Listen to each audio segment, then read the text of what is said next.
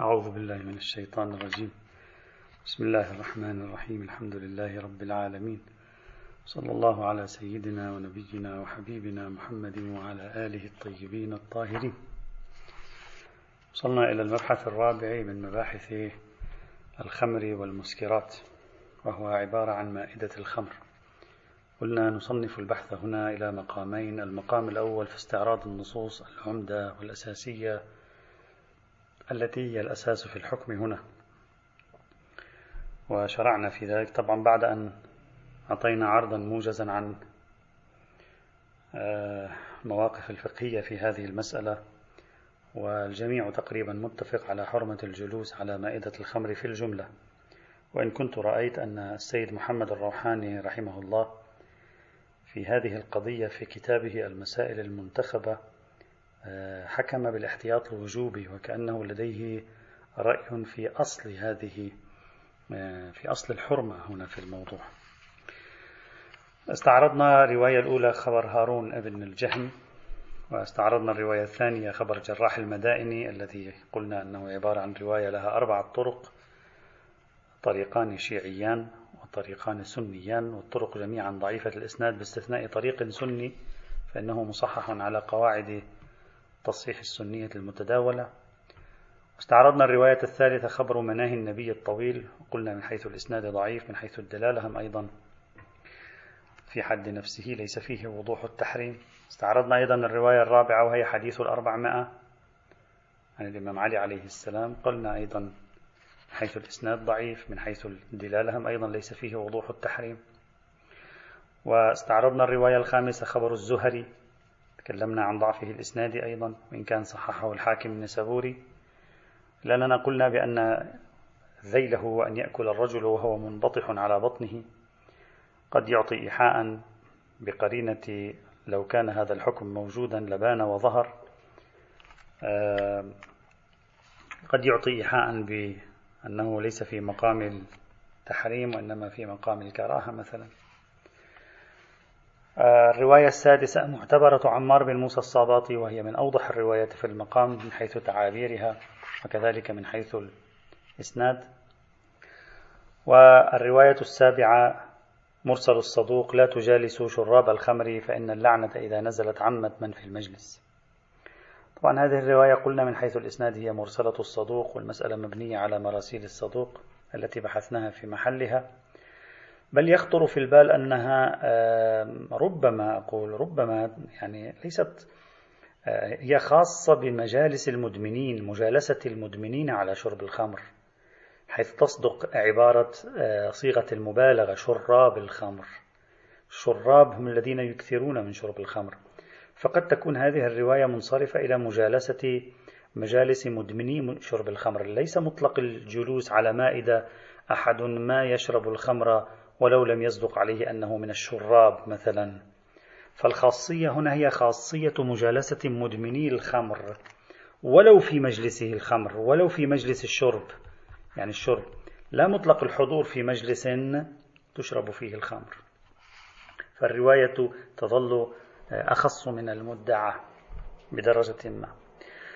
الرواية الثامنة قبل الأخيرة خبر علي بن جعفر عن الكاظم عليه السلام قال وسألته عن الطعام يوضع على السفرة أو الخوان قد أصابه الخمر أيؤكل؟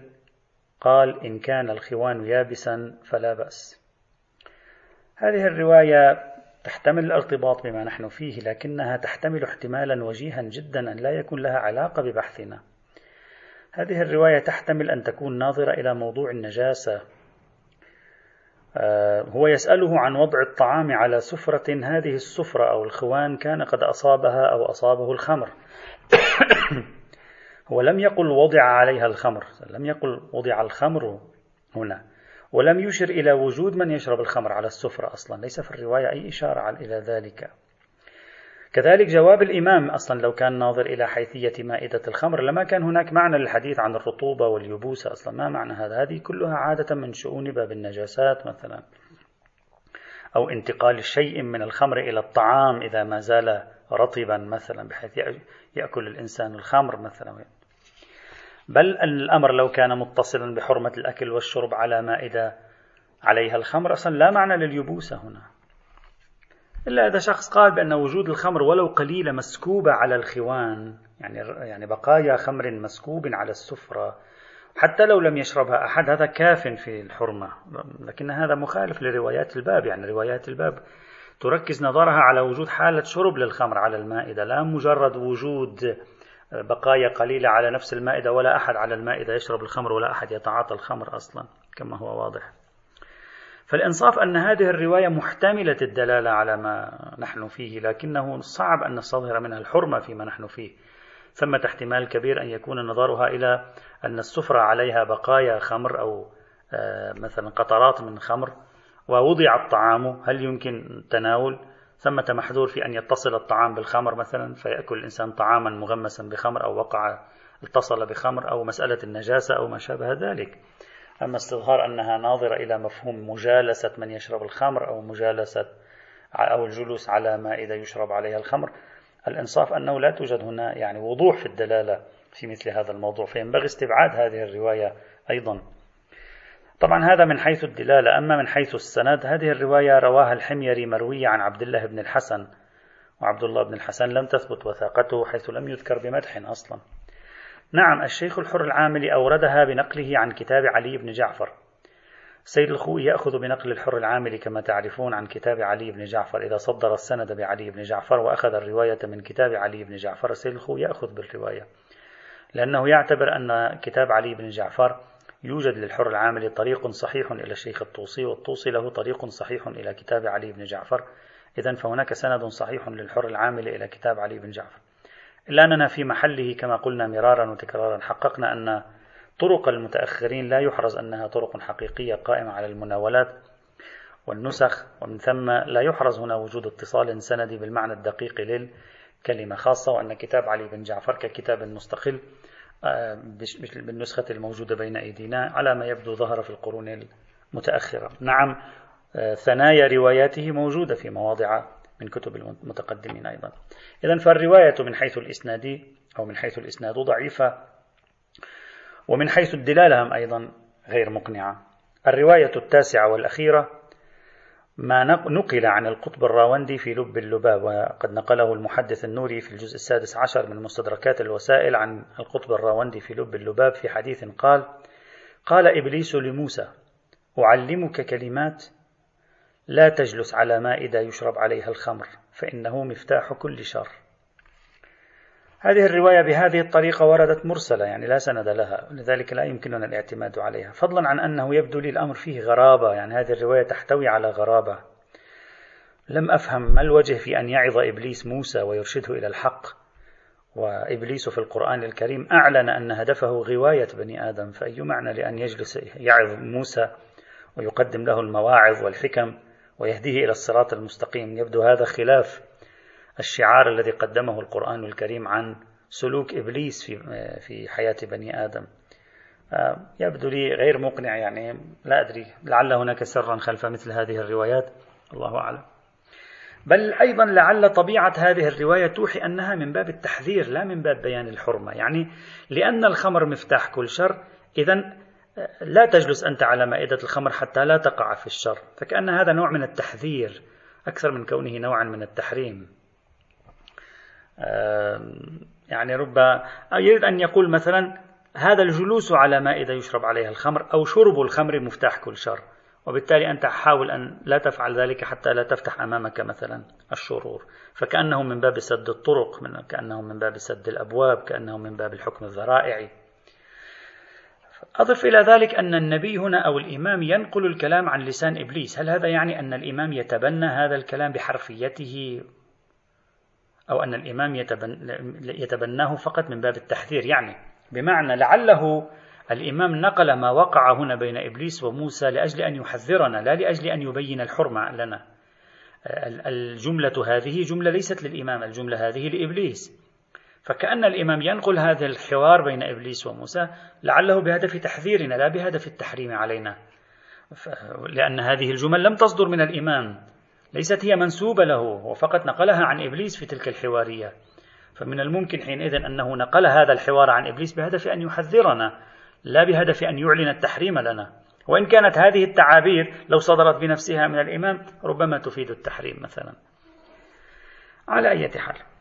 هذه هي عمدة الروايات والأحاديث الواردة في مسألة الجلوس على مائدة يشرب عليها الخمر.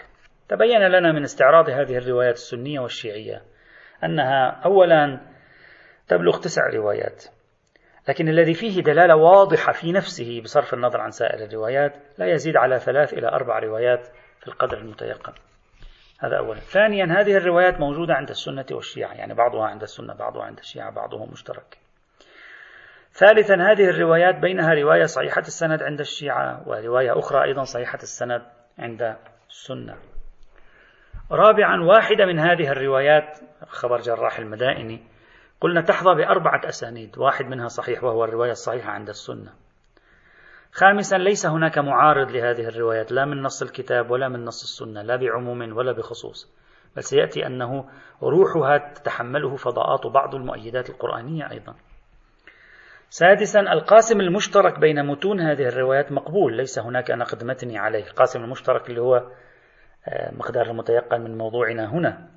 نعم بعض هذه الروايات توجد ملاحظات متنية عليه لكن هذه الملاحظات المتنية عليه يعني النقد المتني عليه ليس متصلا بالقاسم المشترك بل متصل بشيء آه، جانبي في هذه الرواية أو بتلك عادة.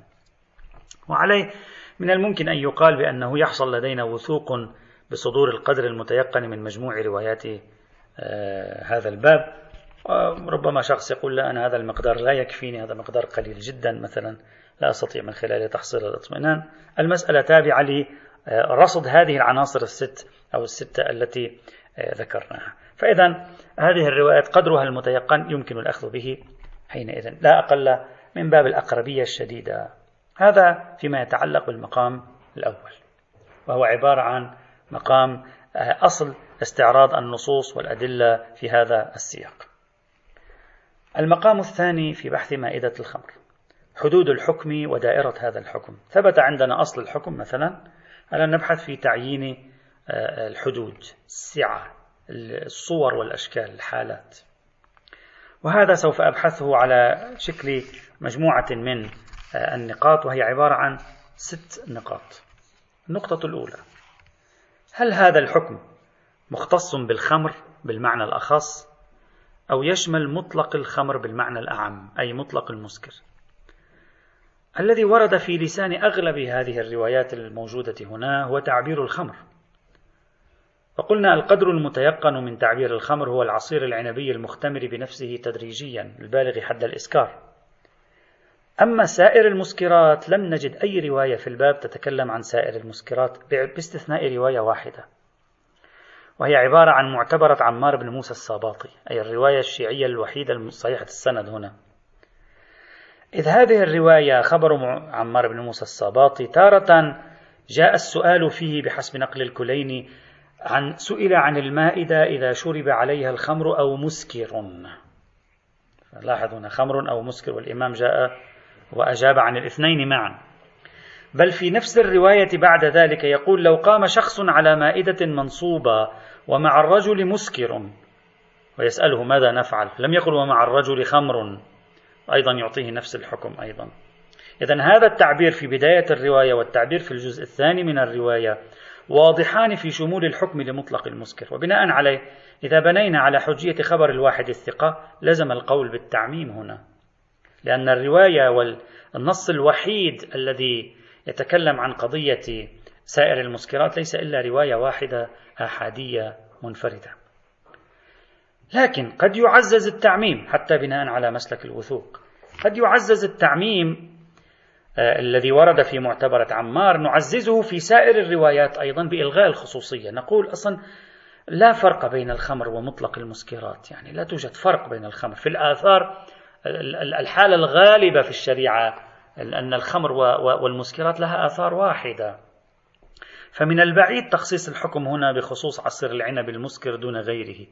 خاصة بعض المسكرات المصنعة اليوم التي قد تكون أشد إسكارا من العصير العنب المختمر بنفسه مثل المسكرات المقطرة في زماننا هذا.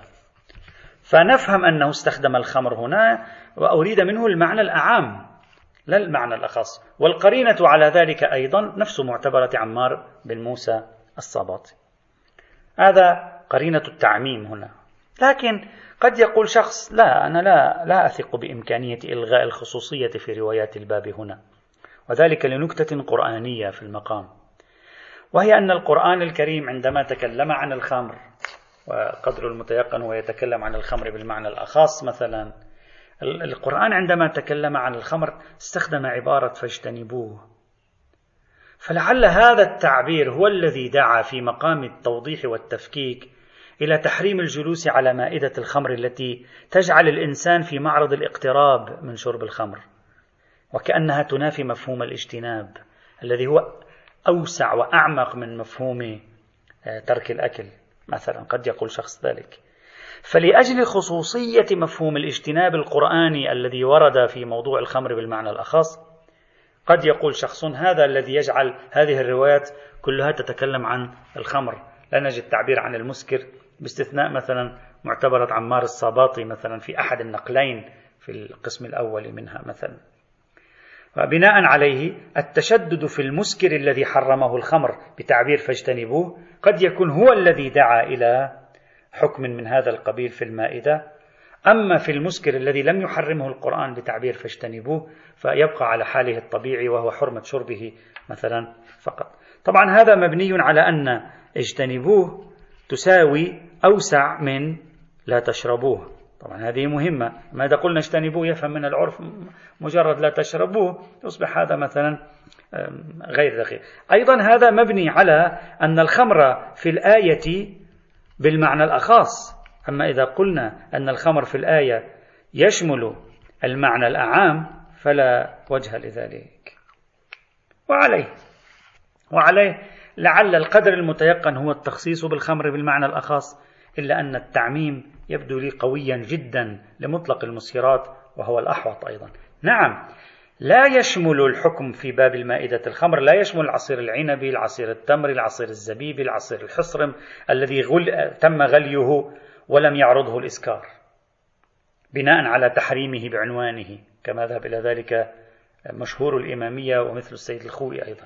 هذا إذا قلنا أن التحريم بعنوانه لا علاقة له بحيثية الخمر حينئذ وحيثية المسكر حينئذ فلا داعي لتسرية الحكم في باب مائدة الخمر إلى مائدة العصير العنب المغلي. ما لم يصدق على العصير العنب المغلي عنوان الخمر بالمعنى العام أي عنوان المسكر.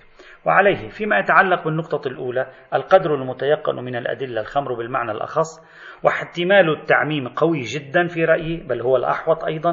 نعم هذا التعميم لا يصل إلى سائر المشروبات المحرمة بغير ملاك الإسكار بناء على وجود مشروبات محرمة بغير ملاك الإسكار مثل عصير التمر والزبيب والعنب. المغلي على النار. هذه النقطة الأولى. النقطة الثانية. هل هذا الحكم يختص بالخمر والمسكر أو يشمل مطلق المعصية؟ بعض الفقهاء هنا عمموا حكم المجالسة لكل مجلس يعصى الله فيه خاصة مجالس اللهو والفساد. قالوا حتى لو لا يوجد مائدة يشرب عليها الخمر حتى لو لا يوجد مائدة يشرب عليها مسكر أصلا الحكم هذا عام. مجلس غناء لا يجوز التواجد فيه. مجلس آه، فسق وفجور لا يجوز التواجد فيه. حتى لو أنت بنفسك لم تقم بأي فعل هو آه، فسق أو حرام أو فجور أو ما شابه ذلك. فنعمم من خلال هذه النصوص التي مرت في مائدة الخمر نعمم الحكم لكل مجلس معصية. كل مجلس يصدق عليه أنه مجلس معصية مجلس له وفساد. نقول هذا مثلا غير جائز في هذا الإطار. مثلا. ما هو الدليل على هذا التعميم؟ الدليل الأول. قالوا سائر المسكرات عفوا سائر المحرمات تشارك الخمر في أنها معصية ولا خصوصية للخمر فينبغي التعميم لمطلق معصية. ما في خصوصية شو خصوصية الخمر في الموضوع؟ الخمر إنما نهي عن الجلوس على مائدة الخمر لأن الخمر معصية. فنعمم لمطلق معصية. والجواب أعتقد واضح هذا قياس مبني على الظن. لا يوجد له شاهد لماذا؟ لأن احتمال خصوصية الخمر هنا وارد جدا كيف؟ لما نعرفه من كون الخمر من المحرمات الاستثنائية الشديدة في الشرع فهي تقف في أعلى مستويات التحريم في الشريعة الإسلامية والتي تشدد الشارع فيها كما تشدد في الربا تشددا استثنائيا يختلف عن سائر المحرمات فكيف أستطيع أن أعمم مع, مع, مع كون الخمر مما يتعامل معه في الشرع معاملة استثنائية؟ هذا الفضاء الذي نعرفه في الشرع هذا المزاج الشرعي العام الذي يعطي الخمر استثناء في التحريم يعطيه خاصية إضافية في التحريم تشدد مزيد من التشدد في التعامل مع عاصره ناقله كل شيء مثلا. هذا واضح ألسنة تحريم الخمر شديدة معروف هذا من مزاج الشريعة. فكيف ألغي احتمال الخصوصية في المقام؟ يبدو إلغاؤه في مثل المقام صعبا حينئذ بالنظر العرفي والعقلاء. لمطلق معصية مثلا جالسين يفعلون معصية صغيرة مثلا افرض المصافحة مثلا المصافحة محرمة ومجلس فيه رجال ونساء ويصافح الرجال النساء أو يضع الرجال أيديهم على النساء وأثناء المجلس هذا هو مجلس حرام لأنه فيه مماسة جسدية مثلا. هل نقول هذا يمكن التعميم في مثل هذه الحال؟ من أين لنا أن نحرز التعميم مع وجود خصوصية معروفة في الشريعة للخمر؟ إذا هذا قياس في تقدير مبني على الظن لا يخضع لقواعد العقلائية للتعدي عن النصوص بعد معرفة مزاج الشارع في مثل هذا الأمر. الدليل الثاني الاستناد إلى قوله تعالى بسم الله الرحمن الرحيم في الآية 140 من سورة النساء قال وقد نزل عليكم في الكتاب أن إذا سمعتم آيات الله يكفر بها ويستهزأ بها فلا تقعدوا معهم حتى يخوضوا في حديث غيره. إنكم إذا مثلهم. إن الله جامع المنافقين والكافرين في جهنم جميعا. هذه الآية القرآنية تؤسس لحظر مجالسة العاصين حال عصيانهم. العصاة وهم يعصون ينبغي على الإنسان أن لا يجلس معهم لا يجوز أن يكون الإنسان في مجلس المعصية لأن ذلك لماذا؟ يلحقه بفاعلي المعصية. إنكم إذا مثلهم يلحقه بفاعلي المعصية. وهذا الاستناد لهذه الآية في التعميم هنا استدل به كل من ابن تيمية في بعض كتبه. وكذلك لاحظته في كلمات العلامة فضل الله في كتابه فقه الأطعمة والأشربة. هذا الاستدلال أيضا يمكن الجواب عنه لأن هذه الآية الكريمة خاصة بمورد عظيم وهو الكفر بآيات الله ليس فقط الكفر بآيات الله الكفر المجتمع مع الاستهزاء بها وهذه حالة استثنائية في المعصية يمكن فرض الخصوصية لها. بل لو كانت مجالسة المعاصي حرام مطلقا كان ظهر هذا في أنواع متعددة من المعاصي. نحن لا نجده إلا في أنواع محددة من المعاصي. التعدي هنا قياس ظني لا دليل على حجيته نعم يمكن أن نجمع هذه الآية مع روايات النهي عن الكون على مائدة الخمر. نقول مثلا المحرمات الكبرى في الشريعة. يمكن أن نلاحظ أن المزاج الشرعي العام ميال إلى عدم وجود الإنسان في مجالسها. هذا قد يقال إنه مقبول عقلائيا بإلغاء الخصوصية. أما مطلق معصية هذا لا يبدو واضحا في مثل هذا المجال. الدليل الثالث. الاستناد إلى أدلة النهي عن المنكر وهذا الدليل ذكره السيد المجاهد في كتاب المناهل. قال القيام من على مائدة الخمر هو نوع من النهي عن المنكر فيكون واجبا. لا فرق حينئذ بين الخمر وغيرها من المعاصي في وجوب النهي عن المنكر. يعني هو فهم من أدلة القيام عن مائدة الخمر فهم أنها من باب النهي عن المنكر. والنهي عن المنكر واجب في باب الخمر وفي غيره. إذا سائر المجالس يجب القيام عنه. حتى يتحقق عنوان النهي عن المنكر الذي هو أريد في الحقيقة في باب النهي عن التواجد في مجالس مائدة الخمر. إذا فلسفة هذه الروايات جميعا التي قرأناها هي فلسفة النهي عن المنكر أصلا. ليست فلسفة إضافة خاصة خارجة عن موضوع النهي عن المنكر. إلا أن هذا الدليل في تقديري أولا هو أخص من المدعى. ليست كل الحالات تتحقق فيها شروط النهي عن المنكر المبحوثة في محله. يعني ممكن بعض الحالات يمكن هؤلاء مثلا من الذين لا ينتهون إذا نهوا وهم يقولون أنه يشترط مثلا مشهور يقول يشترط في وجوب النهي عن المنكر احتمال التأثير. طيب إذا أنا لا أحتمل التأثير ينبغي أن أجلس على مائدة الخمر. ينبغي أن يجوز لي الجلوس على مائدة الخمر. ولا بأس حينئذ. هل يل... هل هل هذا هذا لا يدل إذا على ان على مطلق حرمة الجلوس على مائدة الخمر ولا على مطلق حرمة الجلوس على في مجلس المعاصي. هذا فقط خاص في حال توفرت شروط الأمر بالمعروف والنهي عن المنكر فيكون أخص من المدعى. هذا أولا. ثانيا أيضا عدم الجلوس أعم. يعني عدم الجلوس لا يساوق النهي عن المنكر. مثلا في بعض الأحيان أنا جالس كما في الرواية التي وردت عن الإمام أنا جالس جاء شخص أتى بكأس من الخمر بدأ يشرب. أنا قمت مستنكرا. نعم هذا من مصادق إنكار المنكر. لكن في بعض الأحيان أنا أعرف أنه مثلا هناك مائدة سوف يأتون عليها بخاصة أنا لا آتي دون أن أخبرهم أصلا. قد لا يأتي الإنسان أو يجلس أساسا على مائدة الخمر حتى لو لم يعلموا بأنه لم يجلس عدم جلوسه كان لأجل إنكار الإنكار عليهم. إذا من جهة أخص من المدعى من جهة النهي عن المنكر آه، يتداخل بينه وبينه عموم وخصوص من وجه. ثم ليس في هذه النصوص ما يوحي بأن القضية متصلة بالإنكار عليهم بقدر ما هي متصلة بأصل كونه على المائدة. ولهذا لو فرضنا القول بتعميم الحكم لمطلق المسكرات وكان على المائدة من يجيز مثلا شرب المسكر غير الخمري. حنفي يجيز شرب المسكر غير الخمري شرط عدم حصول السكر الفعلي. هنا لا معنى للإنكار عليه. هكذا يقول الفقهاء لا معنى للإنكار في مسائل الاختلاف الفقهي. هو على تقليده يجوز له أن يشرب مثلا. أنا على تقليدي لا يجوز لي أن أشرب مثلا.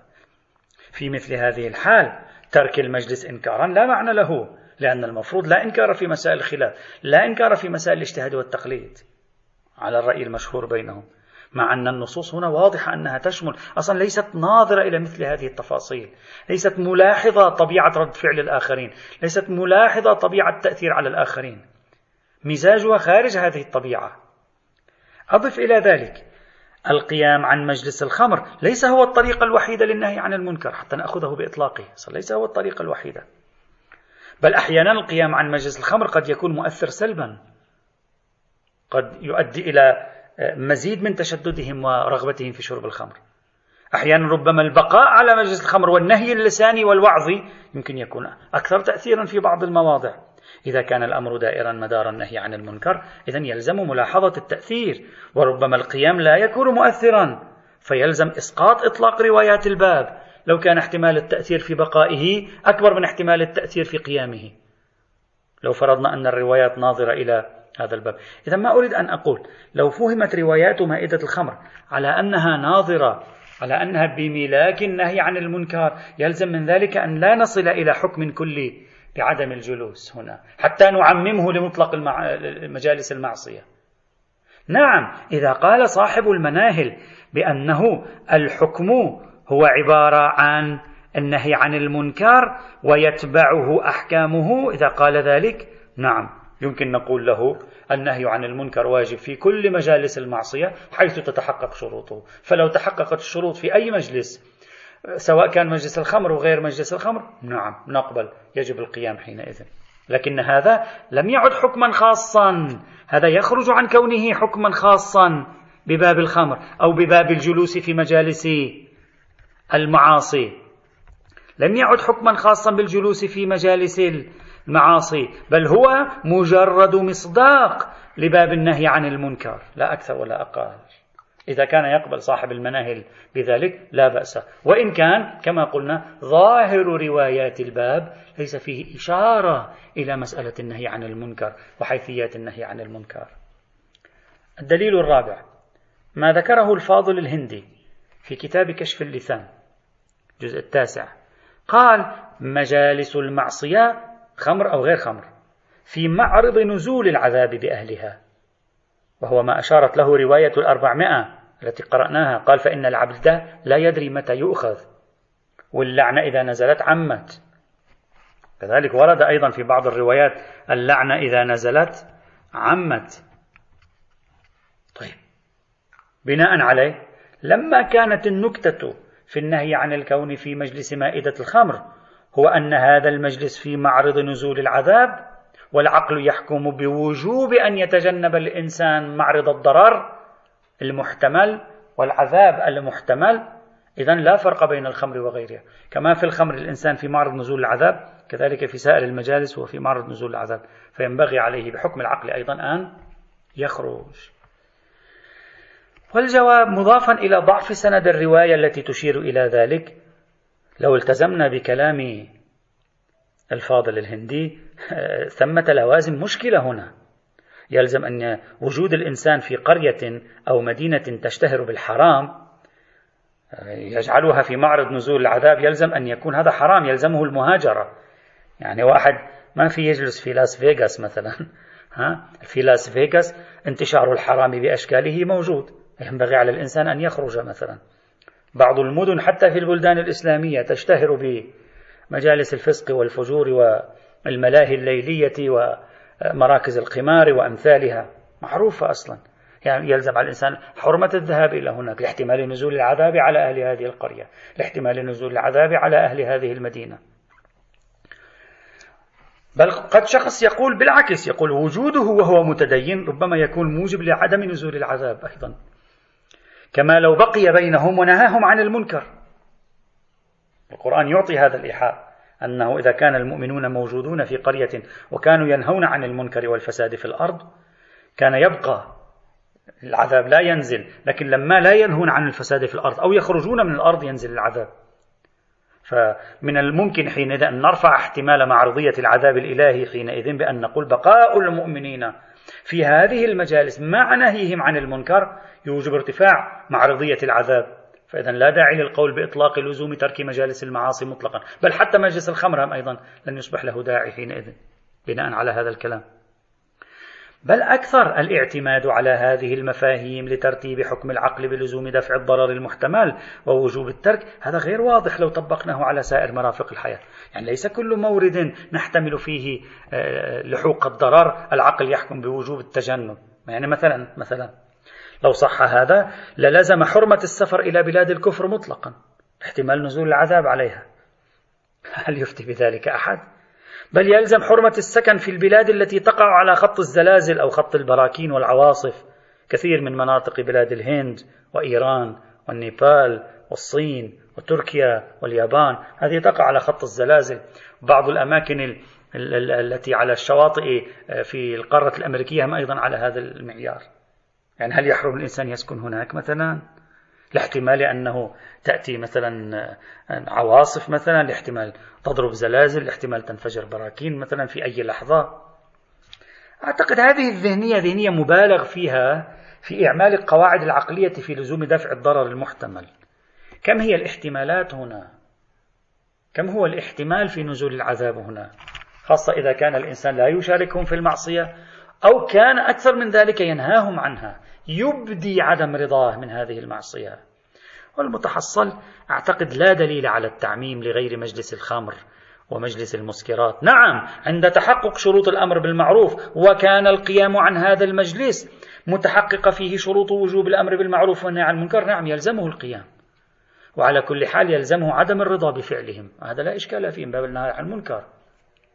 أما بعنوان كلي كل مجالس الخمر وكل مجالس المسكرات وكل مجالس المعاصي أيضا كلها يجب على الإنسان أن لا يكون فيها بقول مطلق بنكتة أنها في معرض العذاب. هذا ما لا يعتد به العقل عندما يريد أن يحكم بكلي تجنب الضرر المحتمل في المقام خاصة بعد الذي قلنا. نعم. الوارد في بعض الروايات دعوة المؤمنين للتنزه عن مجالس الفسق والفجور. هذا توجه عام نجده في الروايات لكن أين نجده في كبريات المعاصي؟ مثلا ورد في بعض النصوص تنزه عن الكون في معاصي يكون فيها هناك مجالس يكون فيها إعلان الكفر أو إهانة الأئمة أو تعييب المؤمنين أو سب الأولياء. لا يبعد بضم هذه النصوص إلى بعضها بعضا. مع نصوص مائدة الخمر أن نلغي الخصوصية ونقول بضرورة تجنب المجالس التي تحتوي على معاص كبرى مشهودة بهذا المستوى من المعاصي. ونقول مثلا بعض المعاصي الكبرى التي علم من الشرع المبالغة في التشدد في أمرها هذه نعم نلتزم بحرمة الجلوس في مجالسها مع عدم الأمر بالمعروف والنهي عن المنكر ونقدهم ومهاجمتهم مثلا. هذا معقول؟ أما التعدي لكل مجلس معصية أو التعدي لكل مجلس له وما شابه ذلك هذا مثلا قد لا نلتزم به في مثل هذه الحال. إذا في البحث الثاني في البحث الأول تعدينا من مطلق الخمر إلى من خصوص الخمر الخاصة إلى مطلق المسكرات وقلنا احتماله قوي جدا وهو مقتضى الاحتياط أيضا. في البحث الثاني التعدي من مطلق المسكرات إلى مطلق المعاصي غير واضح. أقصاه يمكن أن نقول بوجود دعوة شرعية إلى التنزه عن الكون في مجالس المعاصي الكبرى المشهودة من نوع الكفر وإهانة الأئمة والأنبياء وسب الأولياء وما شابه ذلك. نعم أما غير ذلك من المعاصي لا دليل على تعميم الحكم لها. النقطة الثالثة هل المحرم في موضوع مائدة الخمر هو الأكل على المائدة حال شرب الآخرين للخمر عليها؟ أو هو مطلق الجلوس؟ يعني العنوان هكذا الأكل هو الحرام أو الجلوس حرام؟ جلسنا على مائدة يشرب عليها الخمر. الآن الناس تشرب الخمر. هل أصل جلوسي حرام؟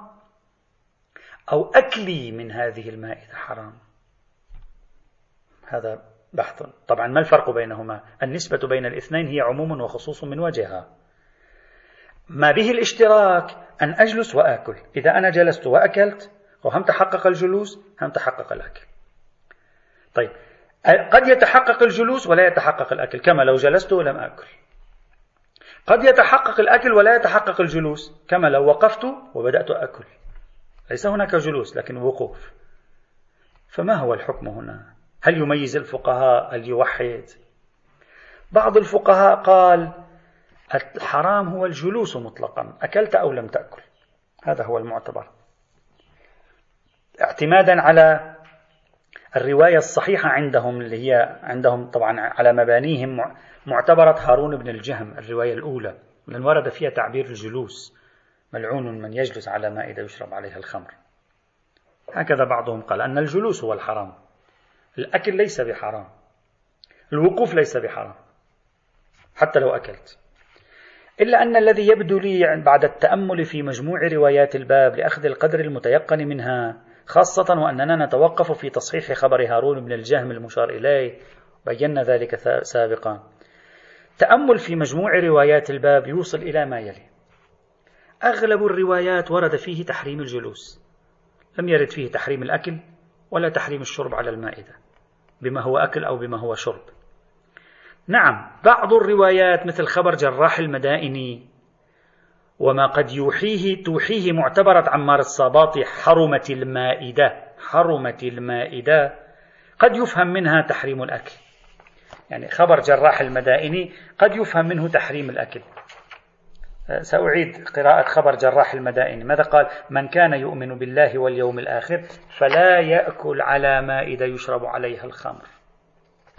فلا يأكل على مائدة يشرب عليها الخمر. تعبير الأكل. إذا في خبر جراح المدائن تعبير الأكل. في معتبرة عمار الصابات قال حرمت المائدة. قد يفهم من ذلك تحريم الأكل. طيب إذا أخذنا مجموع روايات الباب الأغلبية حرمة الجلوس. بعضها وعلى رأسها كل من خبر جراح المدائن ومعتبرة الصباط يعني اثنين من تسعة أو بالأحرى اثنين من ثمانية لأن هناك واحدة لا علاقة لها بالموضوع وهو عدد معتد به يعني الربع ربع الروايات في المقام. ناظر إلى الأكل فقد يقول الإنسان المقدار المتيقن من مجموع النصوص تحريم الجلوس آكلا. أما الجلوس لوحده أو الأكل لوحده مثلا ليس بحرام. قد يقول شخص ذلك. إلا أن الذي يترجح بالنظر في فهم ارتباط التحريم بالجلوس هو أن نعدل مفهوم الجلوس. أصلا ما المراد عرفا من الجلوس؟ ليس المراد من الجلوس هو أن تكون جالس. المراد الكون في هذا المجلس. أما الأكل فالنهي عنه في تقديري تعبير عن عدم كونك على هذه المائدة يعني عندما تأكل يعني أنت موجود على المائدة. بل عندما يقول عدم الجلوس لا يراد منه خصوصية الجلوس مقابل القيام المراد خصوصية الكون في مجلس الخمر ومائدة الخمر. هذا هو الراجح. يعني فلا تأكل على مائدة يشرب عليها الخمر يعني لا تجلس في هذه المائدة. لا تجلس على مائدة يشرب عليها الخمر مش معناتها تجلس يعني مقابل تقف. تجلس مقابل تقف. لا. إذا بضم الروايات إلى بعضها ما أفهمه عرفا منها. إرادتها أن لا يكون الإنسان في هذا المجلس. واقفا قاعدا آكلا شاربا. نهى عن الأكل لأن الأكل مصداق للكينونة هناك. نهى عن الجلوس لأن الجلوس هو أبرز مصاديق الكينونة هناك والتحقق هناك. لا أنه هناك خصوصية لطريقة التواجد أنك جالس على كرسي أو على الأرض. لا أن هناك خصوصية لطريقة التواجد اللي هو أنك تأكل. نفس أنك جالس والبقية كلهم يأكلون. أنت جالس على هذه المائدة هذا فيه مشكلة. ولهذا عبرت الرواية في معتبرة عمار الصباط حرمت المائدة. يعني المائدة يعني هذه كلها صارت حرام. ويزداد الأمر وضوحا في مثل زماننا في مثل زماننا كثير من مجالس الأكل أصلا هي بالأصل عن قيام. مثل بعض الدعوات في كثير من المجتمعات.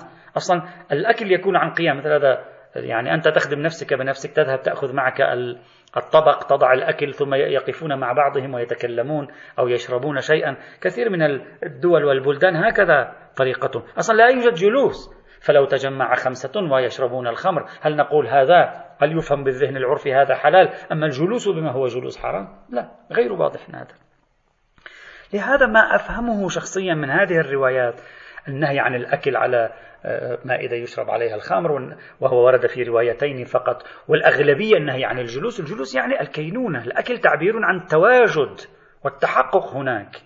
فلا يبعد أن العرف بفهمه المناطي لهذه القضية وبمناسبات الحكم والموضوع يفهم تحريم الكينونة على مائدة الخمر وما يتصل بها بمجلسها عرفا. ومن الغريب أن بعض الفقهاء وهو السيد المجاهد صاحب المناهل. قال الجلوس حرام. طيب لو استلقينا استلقاء قل على المائدة. استلقى الإنسان على المائدة. لا بأس به. يقول ليس مشبونا لحكم الحرمة لأنه ليس بجلوس. الاستلقاء ليس بجلوس. لو جاءوا له يعني بمخدة ووسادة ثم استلقى مثلا يقول هذا لا بأس ممكن يأكل يستلقي ويأكل لك هذا لا يسمى جالسا. هذا يبدو لي غريبا. إذا ما أفهمه من ضم الروايات إلى بعض؟ أن العرف يفهم من النهي عن الجلوس على مائدة يعني النهي أن تكون متواجدا على موائد الخمر. هذا معناه. فلو أن المائدة صارت وقوفية يشملها الحكم. لا أن الجلوس كحالة في البدن هي المعيار. لا أن الأكل كخصوصية هو المعيار مثلا في مثل هذه الحالة والنتيجة؟ الأظهر بالفهم العرفي المناطي ومناسبات الحكم والموضوع هو تحريم الكون في مائدة الخمر بحيث يكون ملحقا بمجلسها عرفا. يعني يقال هذا جالس في مجلس شرب الخمر جالس في مجلس يشرب فيه الخمر.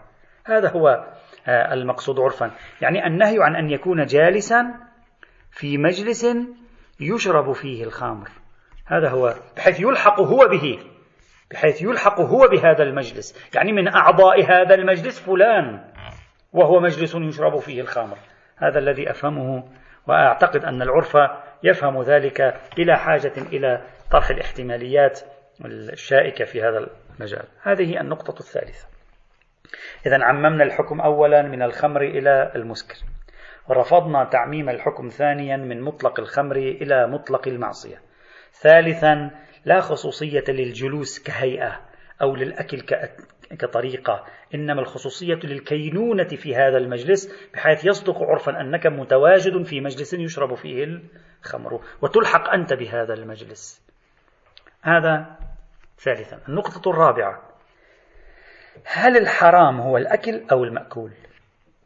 هل المحرم على مائدة الخمر عملية الأكل؟ بناء على أن الأكل هو الحرام. هل المحرم عملية الأكل؟ تأخذ الطعام تأكل. نفس هذا المضغ والأكل أو المأكول الذي يوجد على المائدة يصبح حراما من, من الأطعمة المحرمة الطعام الموجود على المائدة نفس صيرورته على مائدة الخمر يصبح يجعله طعاما محرما يدخل في محرمات الأطعمة والأشربة. هذا هو السؤال. هل المحرم هو الأكل على مائدة الخمر بوصفه فعلا بشريا أو أن المأكول هو الذي يصبح حراما؟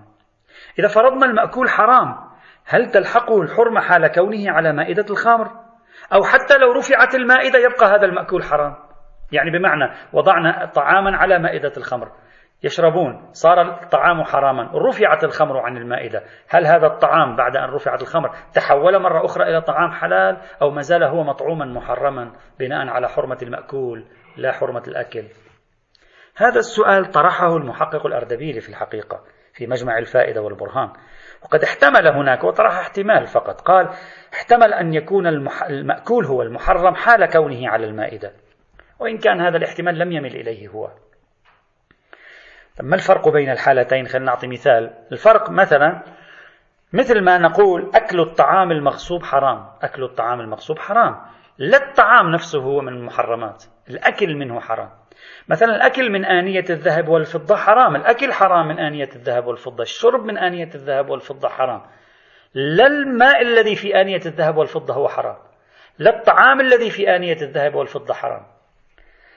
فأكل الطعام المغصوب الأكل من آنية الذهب والفضة شيء وأكل لحم الخنزير شيء آخر. أكل الميتة شيء آخر. لحم الخنزير بنفسه مأكولا محرما.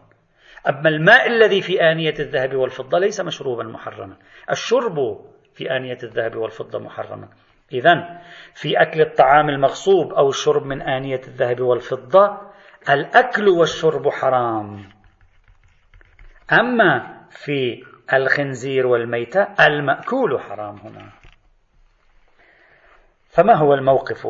في تقدير الإنصاف أن المفهوم من ملاحظة روايات الباب بأجمعها بنظرة مجموعية هو تحريم الكون في هذا المجلس كما قلنا. لا الأكل حرام لا المأكول حرام.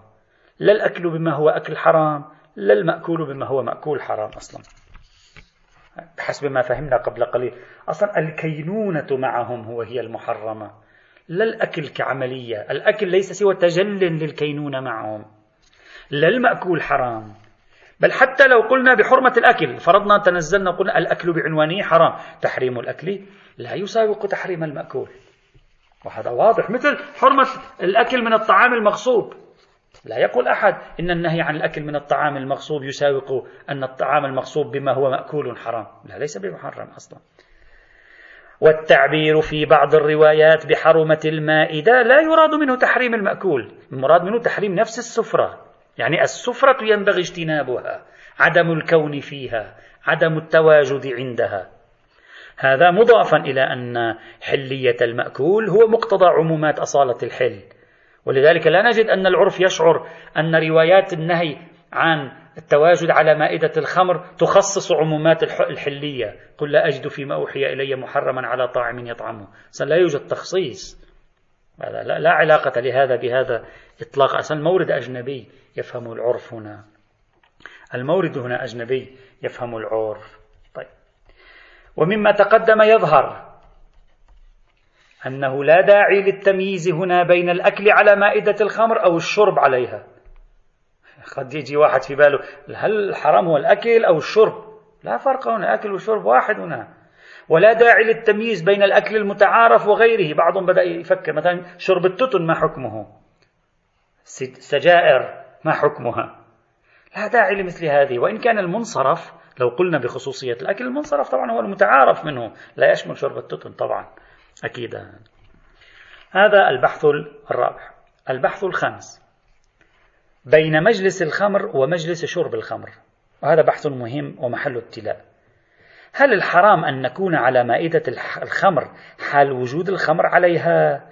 وهي في يد أحد من الجالسين يشرب منها. أو أن مطلق وجود الخمر على المائدة حتى لو أن أحدا لم يشرب منها هو يوجب حرمة الجلوس. طبعا هذه المسألة ابتلائية اليوم. مثلا في بعض البلدان بعض المطاعم يضعون أصلا خمر على الطاولة. حتى لو أنت أنت ذهبت أنت وزوجتك وابنك وابنتك إلى مطعم. أصلا هم في الأصل ممكن أن يضعوا آه، خمر على على المائدة. على السفرة. لا يوجد أحد يشرب. أنت وأهلك لا تشرب. لكن يوجد نفس وجود الآنية. آنية الخمر موجودة. هل الحرام هنا الجلوس على مائدة عليها خمر أو أن الحرام الجلوس على مائدة عليها خمر يشربها أحد ما من الجالسين؟ فهذا مهم في مثل هذه الحال.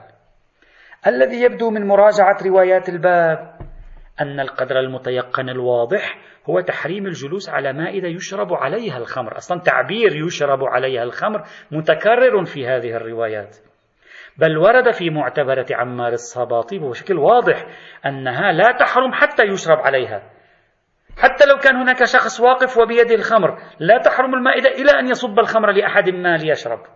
هذا ورد في معتبرة عمار الصباطي وبالتالي نفس وجود الخمر على المائدة ليس موجبا لحرمة الأكل أو الجلوس على المائدة أو الكون على هذه المائدة.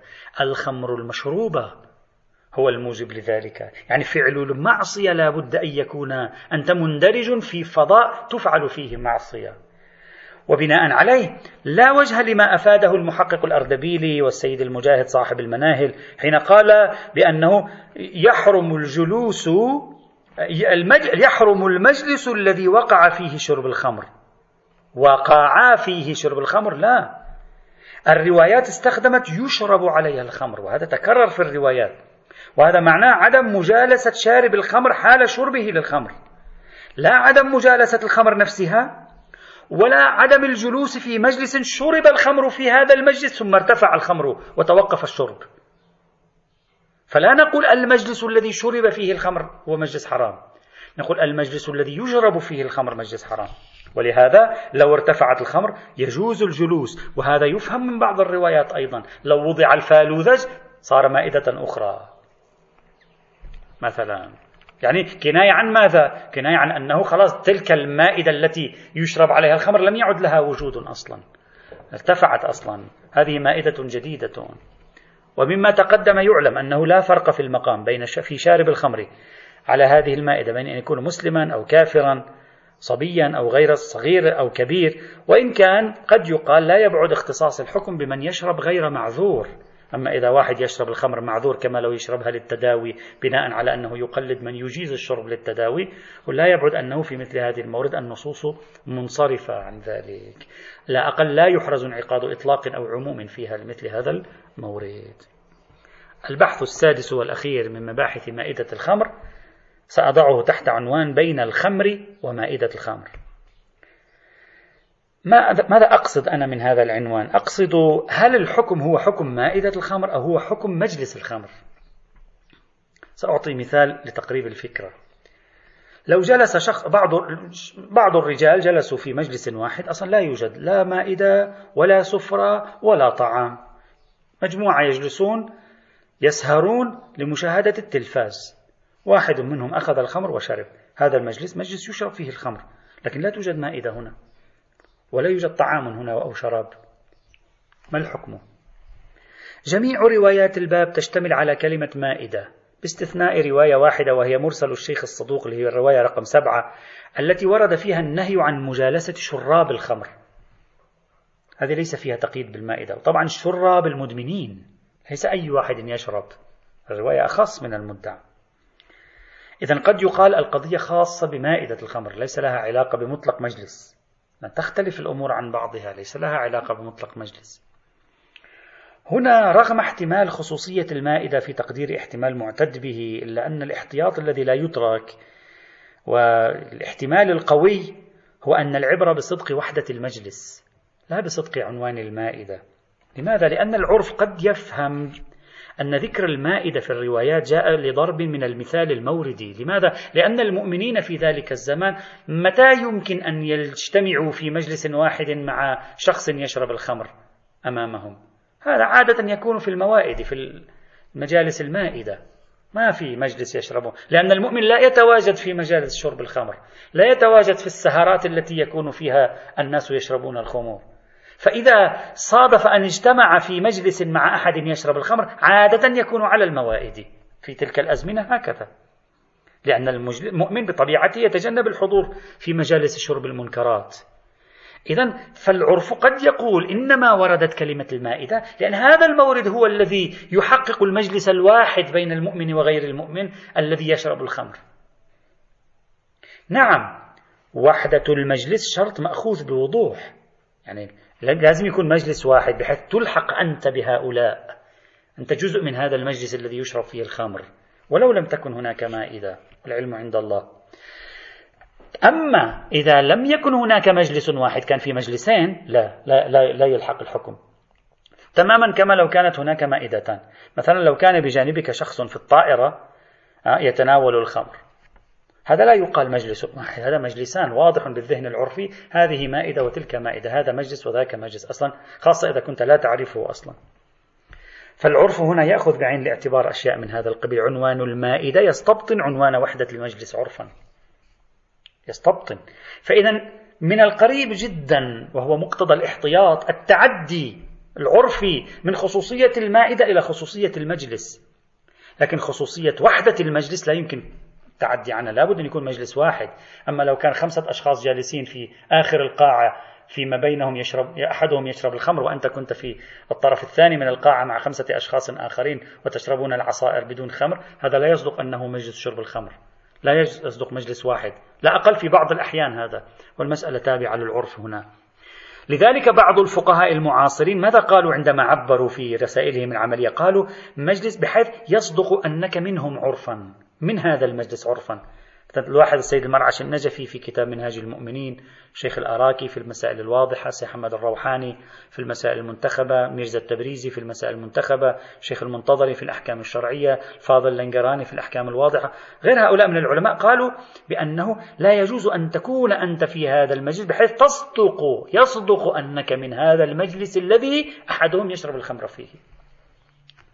وهذا واضح في هذا السياق. نتيجة الكلام في بحث الخمر أنه إذا يحرم أن يكون الإنسان في ملتقى في مجلس في مكان يصدق عليه وحدة المجلس ويتم فيه ولو من شخص واحد شرب شيء من المسكر الخمري بالمعنى الأخص أو الخمري بالمعنى الأعم سواء تحقق الأكل أو لم يتحقق الأكل. أما الطعام بنفسه فلا يحرم. ومن الواضح أن هذا الحكم مثله مثل سائر أحكام الشريعة يرتفع بموارد الضرر والحرج كمطلق الأحكام الشرعية الأولية. هذا ما أردت أن أذكره أستجمع فيه المباحث المتصلة بمسألة مائدة الخمر. المبحث الخامس والأخير من مباحث الخمر والمسكرات وبه ننتهي من بحث الخمر والمسكرات لننتقل إلى بحث المخدرات. هو تحت عنوان التداوي والاستشفاء بالخمر والحرام. هذا سبق أن تعرضنا له بشكل موجز في مباحث الفقه القرآني على ما أذكر ونريد الآن أن نبحثه بشكل مستوعب. التداوي والاستشفاء بالخمر والحرام يأتي غدا إن شاء الله تعالى والحمد لله رب العالمين.